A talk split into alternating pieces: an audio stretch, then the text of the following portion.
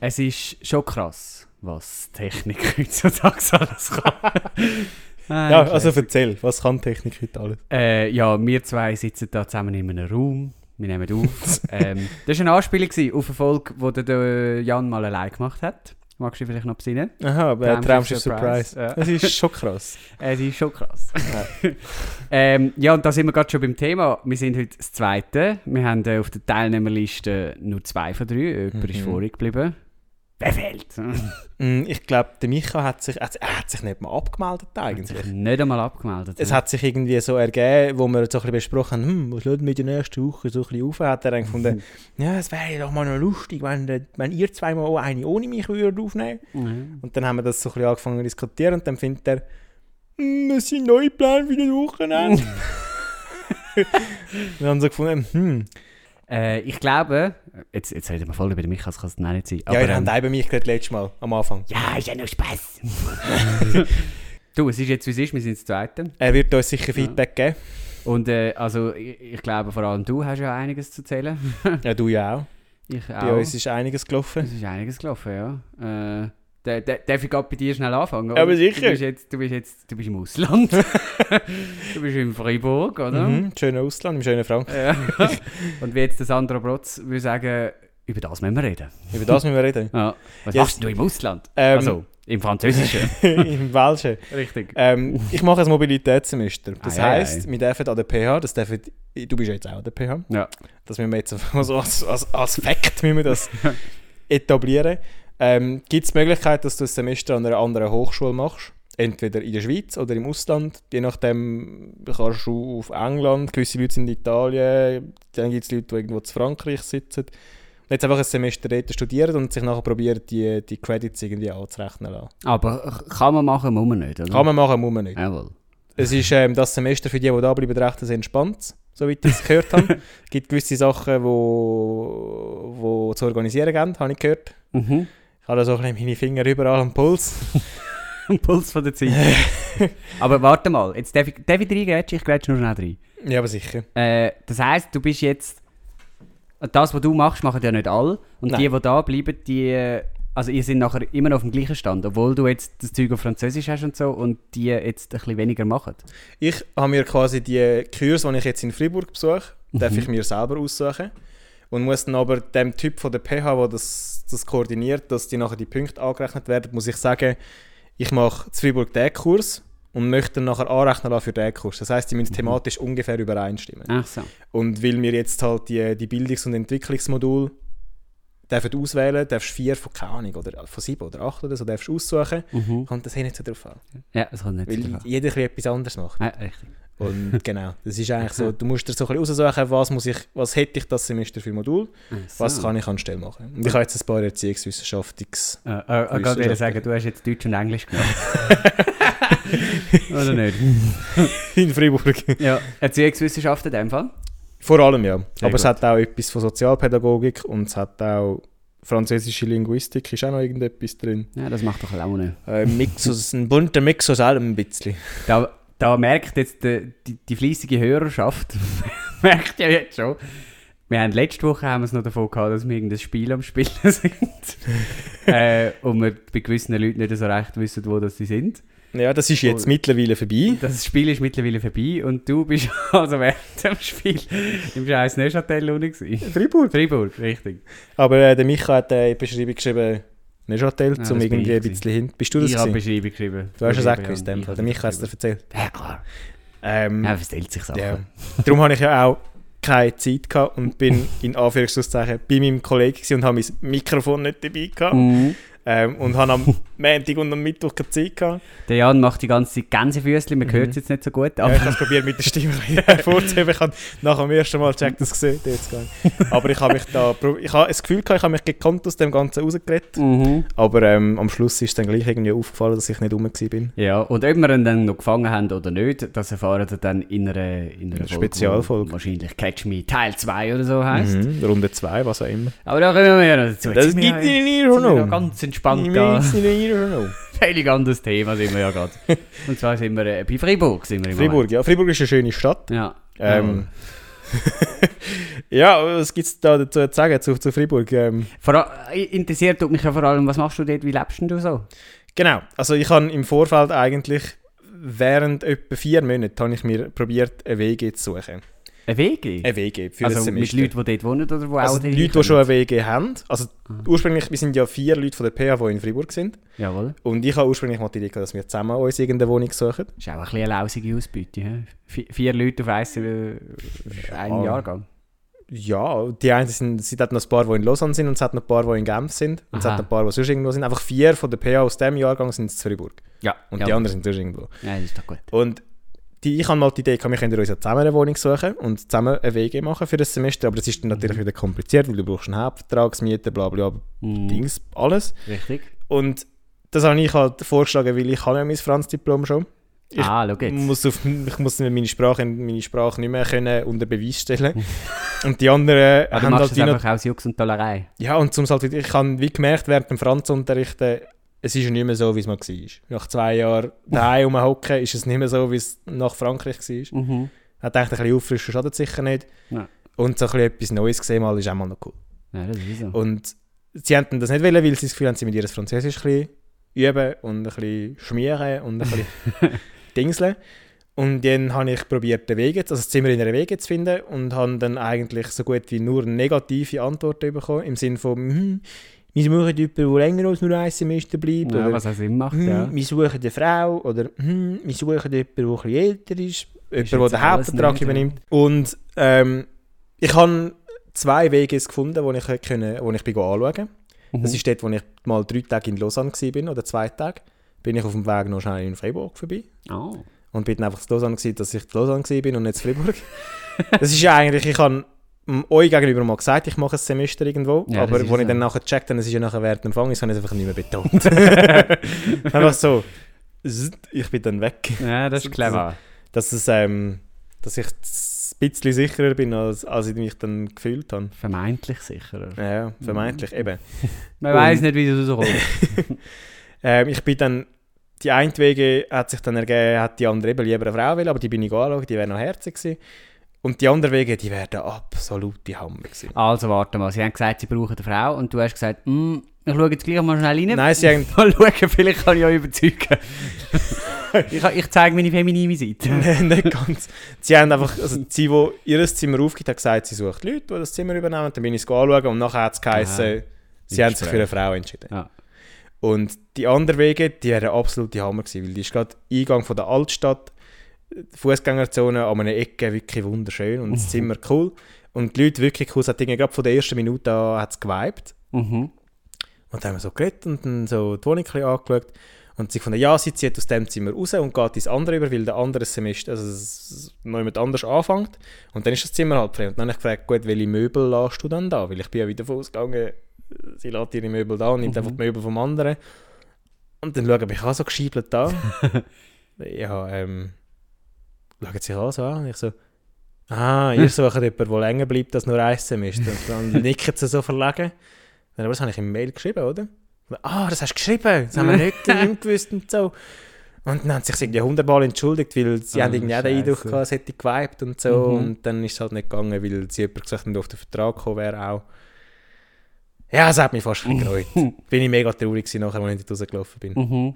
Aber ja, ist jetzt so. Und jetzt bin ich im Studentenwohnheim. Jetzt bist du im Studentenwohnheim. Genau, es ist so, Studentenwohnheim? Ah, was? ja. Also das ist so eine Or- Organisation in Freiburg, die so mehrere Standorte hat. Also muss man sich das vorstellen wie in den USA, wenn man so sieht, wenn sie irgendwie Kleiner. im College sind. Es und ist ein so. bisschen kleiner. Ja. Es gibt schon Aber auch so Gebäude... versifft. es ist ein bisschen versifft, ja. Ja. Es ist okay für ein Semester. Mhm.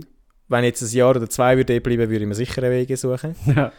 Ähm, aber für so die drei, vier Minuten, die ich dort bin, ist es okay. Es ist, du hast dein Zimmer mit einem Bett und einem, und einem Tisch Mhm. und einem Kasten und einem Brünneli und dann hast du ein gemeinsames WC, Dusche, gemeinsame Küche. Ach so. Entsprechend grusig ist der Kühlschrank.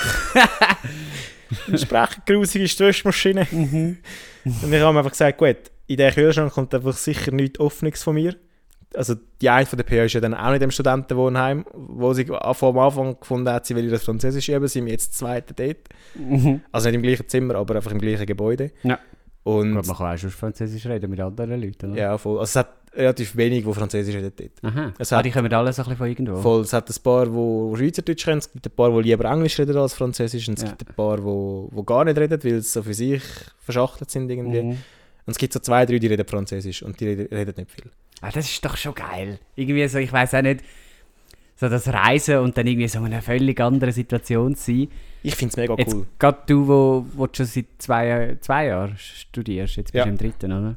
Ja. Äh, irgendwie so ein bisschen einen neuen Touch, gut, du hast jetzt online noch eine Phase gehabt, aber so ein bisschen einen neuen Touch reinbringen, Voll. schon irgendwie, ja, Reisen ist eigentlich schon etwas Schönes. Ich mache es viel zu wenig. Also Reisen, Freiburg ist ja nicht, nicht wirklich Reisen. Ja, aber du bist, du bist noch jemand anders, wo du nicht gewohnt bist. Und Ja. äh, fremde Sprache, m, fremde neue Leute und so. Das ist cool, ja. aber es ist halt organisatorisch ein Uhrenaufwand. Mm. Weil an der PH sind, soweit ich informiert bin, sind für die von unserem Jahrgang in diesem Semester keine Prüfungen. Also gibt es gar nicht, sind alles Leistungsnachweise unter dem Semester. Und die Prüfungen in Freiburg sind im Zwischensemester, Januar, Februar, Mhm. im neuen Jahr. Und wir wären dann eigentlich im Praktikum. Ja. Also im Fremdsprachenpraktikum. Wo Jawohl. wir sind wir, ich bin in Neuchâtel. Lecker Nein. mir dann PA-Tag gerade. Irgendwo in diesem Uhren Welt schon, ich glaube wirklich in Neuchâtel, mhm. ähm, am Unterrichten während vier Wochen oder so. Ah, das machst du auch noch. ja, das ist wie vorgeschrieben. Ach so. Und Ah, das muss ich Gleichzeitig dann auch werden machen. eben. Mm, Ich glaube nicht. Na Gott sei Dank. Bin aber nicht sicher. Ich Mal keine ich das Ahnung, gerade was- drei Wochen machen, aber auf Englisch. dann. Ja. ja. Das kannst ja du auch. Ja, ja. Mal schauen, wie- in welchem Teil von der Schweiz wir da Englisch reden. Luzern oder so, Ja. wo alle Chinesen sind. ja, voll. Und wir müssen jetzt irgendwie probieren zu drehen, dass wir in der einen Küste statt der Prüfung eine Arbeit können schreiben oder Prüfung können vorziehen oder dass wir dem von der PH können sagen hey, können wir unseren Stage irgendwie verkürzen, dass wir unsere Prüfungen können schreiben weil an der PH sind dann gar keine Prüfungen und wir können gar nicht beides. Du kannst nicht dort sein, unterrichten und auf Prüfungen lernen und dann Mhm. noch auf Freiburg pendeln, um die Prüfung zu schreiben und dann auf die neue Prüfung. Das, das geht gar nicht. Mhm. Das habe ich ja gar keinen Bock drauf, muss ich ganz ehrlich sagen. Es ist wirklich einfach, momentan ist es organisatorisch mega mühsam. Ja. Und das ist so ein, bisschen ein, ein Bremsklotz in dem allem drin. Aber sonst, ich finde es, da haben wir so neue Leute gesehen und, und dort ein bisschen reden mit Leuten und dort mal Gerade wenn auch noch alle andere, von, andere Sprachen reden Voll. und von überall herkommen und so, ist doch Mega. mega spannend. Und es hat halt auch noch viele, die halt auch aus der Schweiz kommen, aber Französisch reden. Und die siehst du aber vor allem in so außerschulischen Situationen, sage ich mal. Also Mhm. du hast ja wie die Möglichkeit, zum, das hast du an der PH, das ASVZ, so die Sportorganisation, die so Mhm. Sportangebote macht. Und das hat es in Freiburg auch. Und l- dort lernst du halt auch Leute kennen und fängst an mit Leuten reden. Du bist jetzt zum Beispiel im Volleyball. Genau. Und Ganz ich habe klassisch. ich habe äh, letzte, vorletzte Woche, weiß gar nicht mehr, habe ich ja am Freitagabend gefragt, wer hat Lust, morgen den James Bond zu schauen. Und dann sind gerade vier, fünf mitgekommen. Mhm. Und das ist dann noch cool, wenn du so die auch mal außerhalb von der Uni und von, von den Gebäuden siehst. Ja, ja, vor allem das ist ja cool. Ja, voll. genau. Das erinnert mich ein bisschen an äh, Neuseeland. Ja. Äh, also ich bin ja vor, weiß auch nicht mehr, als ich 18 war, bin, etwa, äh, in Neuseeland gsi Mhm. und äh, so einen Sprachaufenthalt gemacht, wo man so einen Volontäraufenthalt halt. Und das habe ich mega geil gefunden. Also am Anfang überhaupt nicht, das ist mir mega schwer gefallen. Ich bin nicht so der Typ, der gerne allein reist. Bis heute nicht, würde ich nicht gerne. Ja. Also Ausland sowieso nicht. Äh, und dann, aber, aber irgendwie so mit so Leuten, die andere Sprachen eben von irgendwo herkommen. Es hat, es hat dort irgendwie einen Engländer, gehabt, eine Franzosin, einen Belgier Das ist so cool.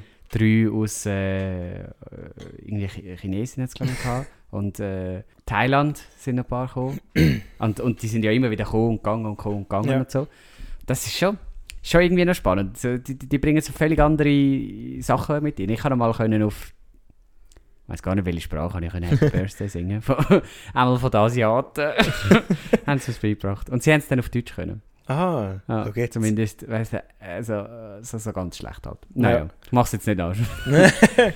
Aber, ähm, ja, aber das genau. ist doch das- genau so Zeug. Also das ist in Frankreich, als ich in Frankreich war, bin, ist das auch gewesen. Dann haben wir müssen, im einen, in der einen Woche haben wir müssen irgendetwas, eine Spezialität aus unserem Land vorstellen. Also jetzt in Frankreich, nicht in Neuchâtel. In Frankreich, wirklich Ja. in, in, in Frankreich. ja, weil, Im äh, wer Ausland. es nicht mitbekommen hat, Neuchâtel ist eigentlich in der Schweiz. Freiburg. Freiburg, genau. wie, wie kommen wir jetzt auf Neuchâtel? weil du in der letzten Beschreibung Neuchâtel geschrieben hast. Ah, genau. äh, Und weil ich das Neuchâtel nachher muss gehen unterrichten. Aha, okay. Knopf. Jetzt haben wir es wieder. Genau, zu Freiburg. Nein, in Frankreich haben wir so eine, in der einen Woche müssen Spezialitäten aus unserem Land beschreiben und dann haben die Japaner einen Sushi gehabt, Mhm. die Italiener haben Pizza Sagst genommen. mir aber nicht, du hast das Raclette genommen. Nein, das Was haben, ist sie- das Fondue? haben sie in dem, in dem hohen Raum haben sie das auch gehabt, aber die haben ganz, hey, die haben Fondue gemacht, das glaubst du gar nicht. Die haben einfach Käse genommen und zusammengemischt. Was? Ja. In welcher Käse? Irgendwie Weisskäse. einfach alles geschmolzen und dann Brot Okay. drin getunkt. Voll Dann habe ich gesagt, leck, das sind die behindert oder so. Oh, dann will ich jetzt aber raten, was hast du echt gebracht? Also, es hat müssen ein Essen sein. Nicht, das hätte auch das Trinken können sein. Okay, okay, dann hast du entweder Rivella, würde ich jetzt als Getränk nehmen, Aha. oder, oder äh, Bratwurst mit Rösti. Ich habe zuerst an Ophium studiert und dann habe ich Aha. Revella genommen. ah, sehr Und gut. das hat niemand gekannt. Also, das- wirklich ja, niemand. woher auch? Das, das, nein, wir, über, wir haben, das sind eben, ist noch eine andere Schweizerin in diesem Kurs gewesen, und dann haben wir überlegt, sollen wir probieren, ein Rivella zu bestellen? Weil Du kannst ja online Rivella bestellen. Mhm. Sollen wir das probieren zu- äh, zu bestellen? Und dann haben wir einfach herausgefunden, bis auf Frankreich geht es drei Wochen, bis es da ist. Und Ah, ja, es, das lohnt sich nicht. es kostet Uhren viel. dann haben wir gedacht, nein, das lohnt sich nicht. Mhm. Und dann, äh, ja. Also ich hatte, ich hatte so, wenn ich mal dort hin zurückgehe, das habe ich ja schon lange mal die Idee, dass ich dort wieder mal hingehe und die Leute gehe besuche, dann bringe ich Rivella mit. Ja. Und das habe ich ihnen auch gesagt, wenn ich das nächste Mal komme, wenn ich wieder mal komme, bringe ich das mit. Mhm. Aber das haben wahrscheinlich schon alle vergessen, die dort jemals gewesen sind. Als ich in äh, Neuseeland heimgekommen bin, habe ich auch all denen, mit denen ich viel zu tun hatte, und das sind so sieben, acht Leute, gewesen, habe ich irgendetwas geschickt. Gehabt. Ja. So der eine, der eben mit mir so versucht hat, Deutsch zu lernen, so die äh, Tai Taiwanesin oder so. Nein, Mhm. eben, es ist eben nicht Thailand. Woher kommt, Vietnam, woher kommt Korea. Squid Game? Korea. Korea? Ja. Echt? Südkorea. Süd Ah, dann sind Nord- die oder von Südkorea. Südkorea gekommen, das könnte noch sein. Korea. Ich habe keine Ahnung mehr. Scheiße, du. Ist ja alles Gleiche. Bäh. Äh, Nein, ähm, und die hat eben so versucht, Deutsch zu lernen. Mhm. Also durch mich halt. Und dann habe ich ihr so ein Deutschlernbuch für, für halt so Erstklässler oder so geschickt. Gehabt. Und irgendjemand anderem habe ich ihnen irgendwie Schoki oder was auch immer. Und äh, einfach so, jenste Sachen, wo wir es d- davon gehabt haben. Das war auch noch cool. Gewesen. Und ich habe dann mhm. auch ein, zwei Sachen bekommen. Ja. Also etwas. ich glaube, ein Chappi ist es. gewesen. naja. Ja, so viel dazu. Entschuldigung. Äh, wo sind wir? gewesen? Bei Frankreich. Rivella. Aber das ist Ah, Rivella. auch schon wieder, das hat Ja. einfach niemand, keine Ahnung. Hättest du es auch im Nachhinein können schicken Genau, das wollte ich damit aussagen. Hätte ich können, äh, habe ich nicht gemacht, weil ich nicht auf die Idee gekommen bin. Ja, richtig. Sehr gut. Und dem, bei dem Gastvater, wo ich war, der hat ähm, wie so drei freie Zimmer gehabt bei sich. Mhm. Und dann sind immer noch andere Leute auch dort gewesen. Und dann ist, nach mir ist ein Türk gekommen. Jawohl. Und der hat, ähm, was hat er dabei gehabt? Wie heisst das, wie heisst die türkische Süßigkeit? Ba Baklava. Ja. Baklava. Ja, ja, das hat er gibt's, ja. beigebracht, so eine mega grosse Schachtel mit so mega verschiedenen Dingen. Und dann haben wir Mhm. das probiert und so. Und als er das brachte, irgendwie drei Wochen nachdem ich gekommen bin, schaut mich der Gastvater so an, mit am Abend. Wieso hast du keine Schocke mitgebracht? Dann haben wir so erklärt, du, ähm, an dem Tag, wo ich gekommen bin, ist 35 Grad. Gewesen. Wenn ich Schocke mitgebracht hätte, wäre meine ganze Tasche voll Muss gewesen. ähm, aber ich habe ihm dann zum Abschied habe ich ihm in Frankreich gekauft, die Lindschocke geschenkt. Du hast sie vor Ort gekauft. ja, Ah, sehr aber es schön. ist Lindschocke, von dem her ist es... Du hättest diesen Leuten anstatt Rivella hättest du auch können ein Cola kaufen und sagen, ja, das gibt es bei uns auch. ja. Der wird auch bei uns gemacht, gell? Coca-Cola-Fabrik. Richtig, in Dietliken. Wichtig. Dort bin ich auch schon mal. Gewesen. Schön. Eine Führung machen. In meinen bin noch nie jungen gewesen. Jahren. Mag In der fast nicht Zweifelfabrik erinnern. bin ich mal. Gewesen. Zweifel bist du? gewesen? Mhm. Dann haben sie uns Gibt- nachher so einen, so einen Gift, so ein Geschenksäckchen mitgegeben, mit mega Ah. viel so Probierli. Ja, das ist geil. Die haben ja jetzt so... Wie heissen die? Six Sense? Irgendwie Ja. so die weiß-schwarzen Packungen. Und so eine grauenhaft schlechte Werbung dazu. Ja, ja. Und so, eine, irgend so ein Gewinnspiel, wo du kannst Chips for Life gewinnen Mhm. so, wo, wo du denkst, hm, ja, mitmachen, Mhm. will ich eh wieder nicht. Aber es sind ja jetzt noch cool, weil- keine Ahnung, nach was das Zeug schmeckt. mhm. Und sie tun, das- es ist halt, sind so sechs verschiedene Geschmäcker, die wo, wo halt noch nicht bekannt sind, was es genau Also es ist, glaube ich, schon bekannt, dass es ist irgendwie. Aber für Aber- das ist es ja. Niemand weiß es. Für das ist ja gedacht, dass du es ausprobierst. Ja. Also, wieso nicht mal machen? Es gibt in, äh, in äh, wo auch immer, wo, dort, wo Elmer Zitro hergestellt Mhm. wird, dort gibt es einen Elmerweg. Und da kannst du am Ende. Ja, in E- Elm wahrscheinlich. ah, ja, das macht noch Sinn. und dort, am Ende vom Weg hat es einen Brunnen, dort kannst du ganz viel Elmer Zitro nehmen. Du kannst einfach abfüllen. Also, die Theoretisch. Flaschen sind im Brunnen drin, Aha. so kühlt, und dann kannst du die mitnehmen. Also ich kann nicht aus dem Brunnen Elmer Zitrus. Nein, das, das wäre auch geil. Das wäre wirklich geil. Aber nein, leider nicht. Es gibt ja eine leider. Kasperli-Folge, wo, wo es so einen Zauberbrunnen gibt. Und dann können sie so, so Zeug in den Brunnen rühren und nachher kommt Gocki und Sirup und, und Kaffee Oh. aus dem Brunnen raus. Das ist schon geil. Das ist noch cool, ja. Ich Ja, Mello wünsche hat mir, das ja, ich wünsch mir ja den, den Schokibrunnen. Ah, ich liebe Schokibrunnen. Schocke. Und der Micha hat einen, Ähm, der Micha, wer ihn nicht kennt, ist der dritte vom Podcast. Micha Hoff. ja, also seine Großmutter hat einen. Mhm. Und seit Jahren reden wir davon, dass ich den gerne mal will mitnehmen in die Ferien über Neujahr. Wir gehen ja immer zusammen in die Ferien. Mhm. Aber noch nie hat es gemacht, weil irgendwie, der braucht es halt an Weihnachten, und nachher ist er dreckig und bis wir gehen, ist er noch nicht sauber, irgend so etwas. Ja, Es wieso ist denn so der noch klar. nicht sauber? Muss man den drei Tage lang abwaschen? Ich weiß es oder? nicht. Das Wir einzige waschen einfach Mal- nie jemanden ab.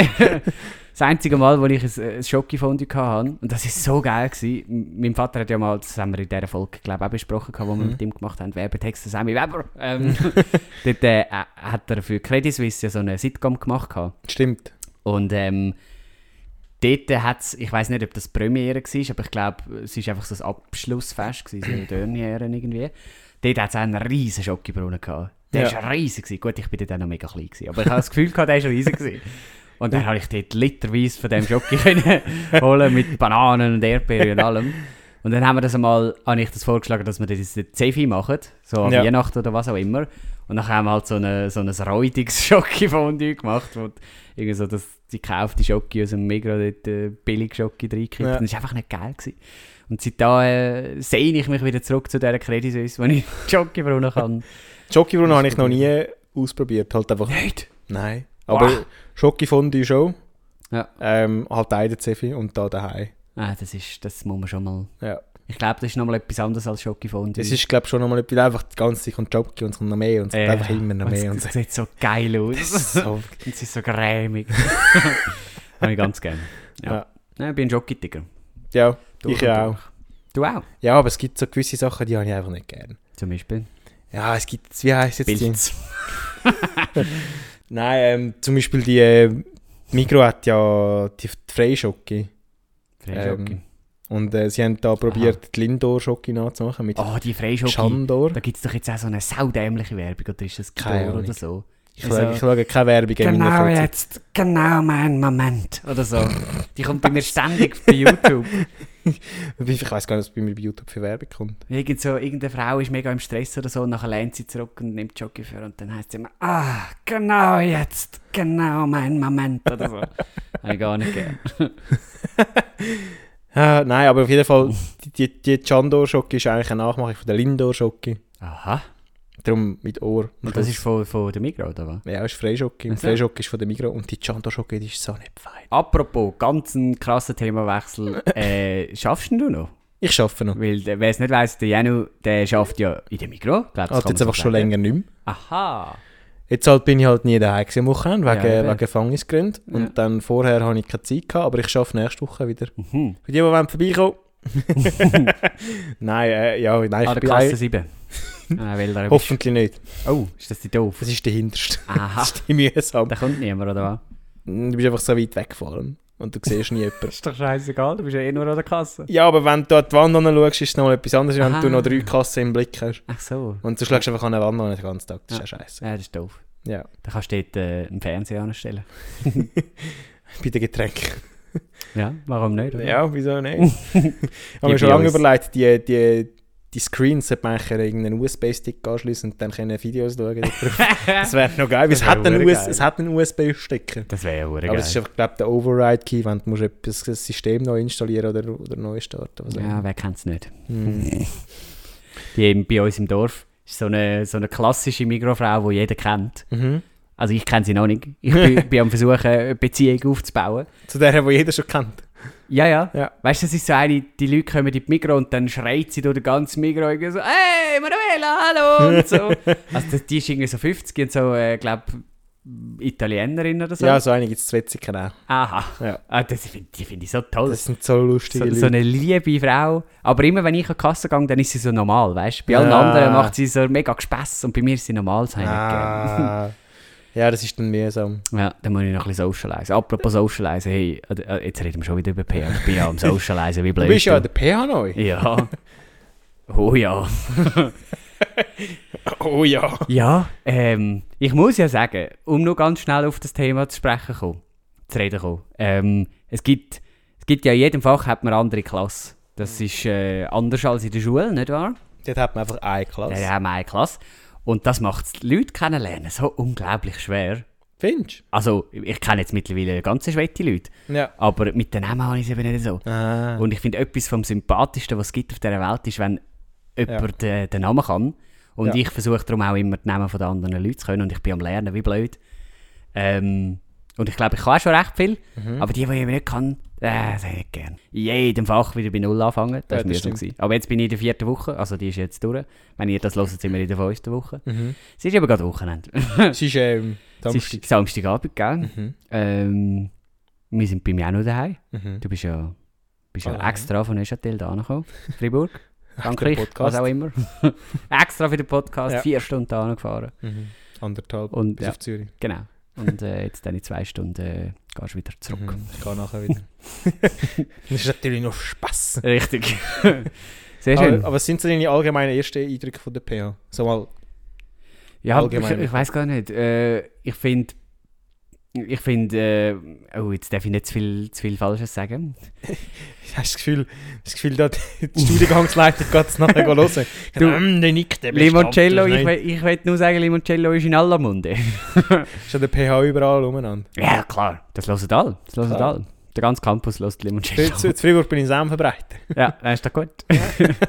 ähm, schon Dozent, jenste Dozent hat mich darauf angesprochen gesagt, Mhm. äh, ah, Sie sind doch der mit dem Podcast. Und ich gesagt, ja, Ja. klar, ja, Ich bin ja logisch. ich. Ich habe es herausgefunden. Nein, äh, wa- wa- also mein erster Eindruck, äh, ein cooler Campus, ist eben gerade beim HB, das ist Ja. noch cool. Ähm, und es hat, also allgemein versucht die PA, glaube ich, ein bisschen zu fest eine Uni zu sein. Ja, weißt du, so mega verkrampft, sehr verknorzt. schön. immer, ich glaube, die Dozenten sitzen da mit an und denken sich, hm, wie könnte ich jetzt so ein Skript, das ich geschrieben habe, noch so umschreiben, dass man einen Doktortitel braucht, um es zu verstehen. Ja. Und dann möglichst auch noch all die Informationen so verteilen, überall mit PowerPoint und da noch Zeug abladen und dort noch ein E-Mail schreiben, damit dann niemand mehr weiß, wo er die Mhm. Informationen herbekommt. ja. Und dann fühlen sie sich, glaube ich, wohl. und das machen die meisten Dozenten, das finde ich grauenhaft mühsam. Aber da muss ich mir halt noch ein bisschen das System reinleben. Es gibt so mühsame Dozenten. Ganz im Ernst. Und der erste Eindruck ist so wichtig. Ja. Ich habe zwei Dozenten zu Freiburg. Der eine, wo ich den, den Kurs à la Distance habe. Ah, à la distance. À la Distance. Der, hat, den ersten Kurs hat er über Teams gemacht und alles andere ist im Selbstlernen. Schießt mich ein bisschen an, aber das Thema finde ich spannend eigentlich. Mhm. Und dann habe ich dem geschrieben, gehabt, weil eben ich habe ja meine Prüfungen während dem Praktikum und ich habe gar keine Zeit. Und dann habe ich ihn gefragt, gibt es eine andere Möglichkeit, dass ich den Kurs kann abschliessen kann? Jawohl. Dann schreibt er mir zurück, äh, geschätzter Herr Reinhardt, es ist nicht möglich, den Kurs anders zu verstehen als mit der Prüfung. Liebe Grüße, äh, Herr so und so. Mhm. Ich fand, okay, fair. ähm, dann habe ich ihm nochmal geschrieben, okay, verstehe ich, aber ich bin im Stage 100% und ich weiß noch nicht wo. Und ich werde wahrscheinlich nicht die Möglichkeit haben, zum auf Freiburg zu kommen, ähm, weil ich halt am Unterrichten bin Mhm. um die Prüfung zu schreiben. Ich sage also ich sage dazu bereit, auch die Prüfung schon im Dezember zu schreiben oder Anfangs Januar. Ja. Ähm, ob das möglich sei, liebe Grüße, Jan Reinhardt. Und dann hat er gesagt, nein. Da hat er gar nicht zurückgeschrieben. Oh. Und das ist etwa drei Wochen her. oh. Das ist mir so unsympathisch. Ah, ja, ja. Und jedes Mal, wenn der hure Typ seine vertonte PowerPoint auflässt, denke ich mir, nein, jetzt einfach drei Viertelstunden von dem. Gut, ich sag's nicht. Aber drei Viertelstunden von dem habe ich jetzt gar keinen Bock drauf. Ah, ja. Leck du mir, dann bin ich so demotiviert an dieser Vorlesung. Vorlesung in Anführungs- und Schlusszeichen, weil es halt einfach ein PowerPoint ist, wo er seine Audios eingefügt hat. Mhm. Das finde ich so räudig, wenn man das macht. Und dann fängt er seinen Satz an. Und dann kommt ihm eine neue Idee und dann macht er den Satz anders fertig, als er ihn angefangen hat. und dann hat er drei Ideen in einem halben Satz und du musst probieren, alles aufzuschreiben, weil es genau so eine ist, wo nachher der Prüfung Detailfragen fragt. Ah, Und das ist Und jetzt weisst- dein Feind. Nein, ich kann ihn einfach nicht gerne, er ist mir so unsympathisch. und wenn der geschrieben hat, ja klar, es ist möglich, dass sie die Prüfung anders schreiben, oder wenn er wenigstens eine Antwort gegeben hat, okay, ich schaue, was Mhm. ich kann machen kann, dann wäre das ganz anders. So, das ist mega krass, was eigentlich die ersten paar Minuten, von, wenn du jemanden kennenlernst, können ausmachen, wie die Person Mhm. nachher den Rest von Dings wahrnimmst. Ich meine, wir sind in einem anderen Kurs sind wir auch gefragt, sie gibt es eine andere Möglichkeit, dass wir den Kurs können bestehen. Sind wir bei allen gefragt. Mhm. Und sie hatten gefunden, nein, gibt's nicht. Haben sie wieder gedacht, ah, das sind wieder die, die Schweizer, die können nicht gehen schütteln. Die da. Schweizer. Äh, die Zürcher. Das sind wieder rettig. Hat sie gefunden, nein, gibt es nicht. mhm. Einfach so zack, bumm, fertig, ohne anfangen zu diskutieren. Das hat einige gegeben, die haben gefunden, ah, mega cool, ich komme von Zürich. Klar, ich tue da mit der und der und ich schaue, dass ihr etwas anderes könnt machen könnt, dass wir die Prüfung können vorziehen Und dann ist nichts gewesen. Und dann hat sie, sie hat sich noch nicht gemeldet, sie ist Aha. am Abklären, glaube ich. Und Diana hat einfach gefunden, nein, ist nicht möglich. Mhm. Sie müssen nicht da nur mal ein Mail schreiben, aber sie glauben nicht, dass es möglich ist. Mit anderen Worten bist du im Moment recht am Arsch. hä? Ja. und auch die ist uns einfach so unsympathisch, obwohl, obwohl ihr Kurs eigentlich noch spannend wäre und es eigentlich noch coole Ansätze hat. Aber gut, da- darf ich die schnell, darf ich schnell rechtfertigen? Äh, man muss ja auch sagen, wenn man sich für so etwas anmeldet, könnte man vielleicht auch auf die Idee kommen, mal schauen, geht es überhaupt auf oder nicht. Ja, könnte man. Ja. Aber wie soll man das schauen, wenn man noch gar keinen Zugriff auf das Studentenportal hat? Mhm. Oder wie soll man probieren herauszufinden, wenn Prüfungen sind? Oder wie soll man probieren herauszufinden, dass man das Stage könnte verschieben also das Praktikum könnte verschieben ein Jahr? Oder, Ja, du, das ist so eine grosse Entscheidung, da hätte man doch mal einen Dozenten so fragen ja, das hätte man halt müssen gehen fragen. Ja. Hätte man halt müssen. Wir kennen ja sogar einen, der in der IT arbeitet, der hätte die Informationen auch können rausbekommen Äh, der hätte wahrscheinlich einfach können sagen gut, ich tue dir alle Kurse abhacken. Das ist übrigens der Merlin, stimmt, der ist der auch schon im Manager- Podcast Ich weiß vorgekommen. nicht, ob der, ich weiß nicht, noch- ist er noch der P? Ja, ich habe ihn letzte Woche gesehen. Ja. Oder vorletzte Woche ist er mir über den Weg gelaufen. Ah ja, schau Ja, jetzt. jetzt ist er in der Ferien. Jetzt ist er in der Ferien. Ja. Wo ist er dran? Frankreich. Oh, Ja. Français. Nein, Ja. Ah, der Französisch. vielleicht erzählt er den selber mal. Ich weiß es nicht. jeden Fall, erste Eindrücke sind so verdammt wichtig. Sehr schön gesagt. Es ist so wichtig. Wie, wie geht das dumme Zitat? Du kommst nie eine zweite Chance über zum ersten Eindruck zu hinterlassen. Ja, das macht Sinn. So, jetzt müssen wir ein bisschen weg von, von, von, von, von der PA. hä? Also, erzähl, Ist, was äh, hast du was hast, äh, sonst noch alles so gedreht in den letzten Wochen? Nix. Nix! das war PA. gewesen. Wir sind weggekommen von der PH. Nein, äh, ich habe tatsächlich noch nicht so viel erlebt. Ich habe ja nicht einmal mehr Zeit, also ich hätte schon Zeit, aber ich bin im Moment nicht einmal äh, mehr im Kino. Der letzte Film, den ich geschaut habe, ist äh, James Bond und das Mhm. ist auch schon eine Woche her. Das ist gar nicht im Kino. Nein, Das und ist- vor ich James kann- Bond ist etwa zwei Wochen her, gewesen, Ja. im June oder so. Den habe ich immer noch nicht gesehen. Ja, naja, lohnt sich. Vor James Bond habe ich etwa ein Jahr oder so keinen Film mehr im Kino gesehen. Tenet war dein letzter Film, gewesen. jetzt hat es geläutet. Das hat geläutet. Ja, willst du ich aufmachen? gehe schnell schauen, wer Bin das ist. bin ich da der alleine Unterhalter. Wenn ich es auf die Zeit schaue, könnte es sein, ja genau, halb sieben, genau, und das ist jetzt unser Essen. Wir haben nämlich etwas bestellt, gut, und äh, ja, was könnte ich euch noch erzählen? Ich habe einen langen und ausgiebigen Streit mit meinem Nachbar wegen einem Bobbycar. Ähm, er tut eben immer zu seinen Velos, dabei gehört er mir. Äh, aber ja, das ist eine Geschichte für ein anderes Mal. Vielleicht äh, noch schnell äh, zu Micha. Der ist ja heute, er ist ja heute nicht da, gell? Nein, ähm, ich weiß gar nicht, was erzählen. Wir haben, wir haben jetzt beide einen Burger haben wir bestellt. Wir haben jetzt bei dem Burgerladen bestellt, den er ja noch nie bestellt hat, weil er äh, nicht sicher. Also, wir sind uns. Äh, be- er hat gesagt, es sei nicht so feine Pommes äh, bei dem, wo, wo er schon einmal bestellt. Und darum haben wir jetzt bei einem. werben damit. ähm, Aha, sie werben damit, hat er bis jetzt gesagt. Natürlich sie wieder werben aus der damit, Küche. dass sie die knusprigsten Pommes im ganzen Zürich Oberland haben. Haben sie aber gar nicht. Sind hure trocken. also bis jetzt jedes Mal, wenn wir bestellt haben, sind sie trocken gewesen. Vielleicht sind sie mal fein gewesen. Aber sie sind noch nie wirklich fein gewesen. bis jetzt der einzige Mensch, wo, wo, ich, wo ich je gehört habe, über knusprige Pommes reden und philosophieren, Ist natürlich- ist der Micha. Aha, echt? Ja, ja, der Micha ist so einer, der der sehr viel Wert legt auf seine Pommes. Ja. Ich finde das so lustig. Er ist sehr für Mac-Pommes, gell? Ich glaube, ja. Ja. Einfach allgemein bei ihm muss es auch sehr knusprig sein. Er findet Pommes schnell mal nicht mehr gut. Ja. So Finde wie ich zum aber Micha. So viel zum Micha. Ähm, ich kann, wir haben uns ja schon mal gesehen, der PH. Sind wir wieder bei dem Thema? Das ist nur kurz, um schnell den zeitlichen Rahmen zu geben. Ja, ja, ja. Das habe ich Micha schon erzählt, als wir den, den David Bollo sind, go inf- äh, interviewen. Ja. Das habe ich ihm auf der Fahrt erzählt, die Geschichte. Ähm, ich habe ja... Das war der Comiczeichner, gewesen, oder? Ja, Das genau. war so ein geiles Interview, gewesen, das habe ich gefunden. Eben, Muss ich es- wirklich als Feedback Muss ich geben. sagen. Ich weiss nicht, die Leute, die es nicht gelesen haben, hören das. Der Unbedingt. Sieg hat bei Marvel Comics äh, Spider-Man gezeichnet. Und, Und das ist ein der ist Schweizer. und die haben ihr interviewt. So geil. Und der ist einfach dort hier und hat, äh, hat seine Zeichnung am Boden fallen lassen. ist einfach in ein Meeting hineingeplatzt. Aber eben, so viel zu, zu ihm. Ihr könnt gerne alles nachlesen. Ja. In dieser Woche habe ich, ähm, ich habe mich bei so einer Webseite angemeldet, die heisst nose.com. Oh oh, hast du wieder äh, irgendein Gewinnspiel gemacht, wo du jetzt ein Virus auf, äh, auf dem Kaffee hast? Nein. Nein. Ähm, Nose.com kannst du so, ohne welche Werbung zu machen dafür, kann man sich so kann man sich anmelden und dann ist so eine Auftragplattform. Du kannst einen Auftrag schalten, wenn du möchtest irgendwie zügeln und du suchst zwei Leute, die dir helfen. Dann kannst du sagen, hey, ich suche Leute, die zügeln. Mhm. Ich, ich kann das zahlen, das geht so lange, dann dort. Ah ja. Und dann kann man sich dort eintragen, anmelden und dann wirst du ausgesucht oder nicht. Mhm. Und dann hat es einen Auftrag gehabt, also ich habe mich dort angemeldet, um mal ein bisschen probieren, so, so, so Excel-Tabellen-Zeugs und so Zeug machen. So, wo man so ein bisschen- Excel-Tabellen. ja, was so Zeug, wo du einfach mal am Abend so zwei Stunden kann sitzen und ein bisschen etwas basteln. Ah, Und du hast dort gefragt, ob jemand Excel im Griff hat? Oder was? Nein, ich habe dort geschaut, ob es einen Auftrag gibt, wo man so ein bisschen am PC Sachen kann drücken kann. Aha, aha, aha. Eben aha. so etwas ums Layouten oder was auch immer. Mhm. Und dann bin ich über einen Auftrag gestolpert, wo von der Webseite selber, von dem, von irgendeinem, von der, von der Firma selber, Mhm. hat einen Auftrag geschaltet, Voiceover gesucht. Oh, Voiceover okay. gesucht für ein neues äh, Werbevideo. Ja. Und dann ähm, habe ich dort äh, mich eingeschrieben und habe gesagt, ähm, Voiceover-Erfahrung, Hörspiel dieses, Podcast dort und natürlich jenste Links hineingefetzt. Mhm. Und dann ähm, hat er zurückgeschrieben, lieber Jan, bist das du in diesem Hörspiel? Lieber Gruß. Und dann, ja, ich sprich den, den und den. Also im, im Telehörspiel hat er dann, gefo- hat er dann gehört und dann Mhm. gesagt, ich sprich den, den und den.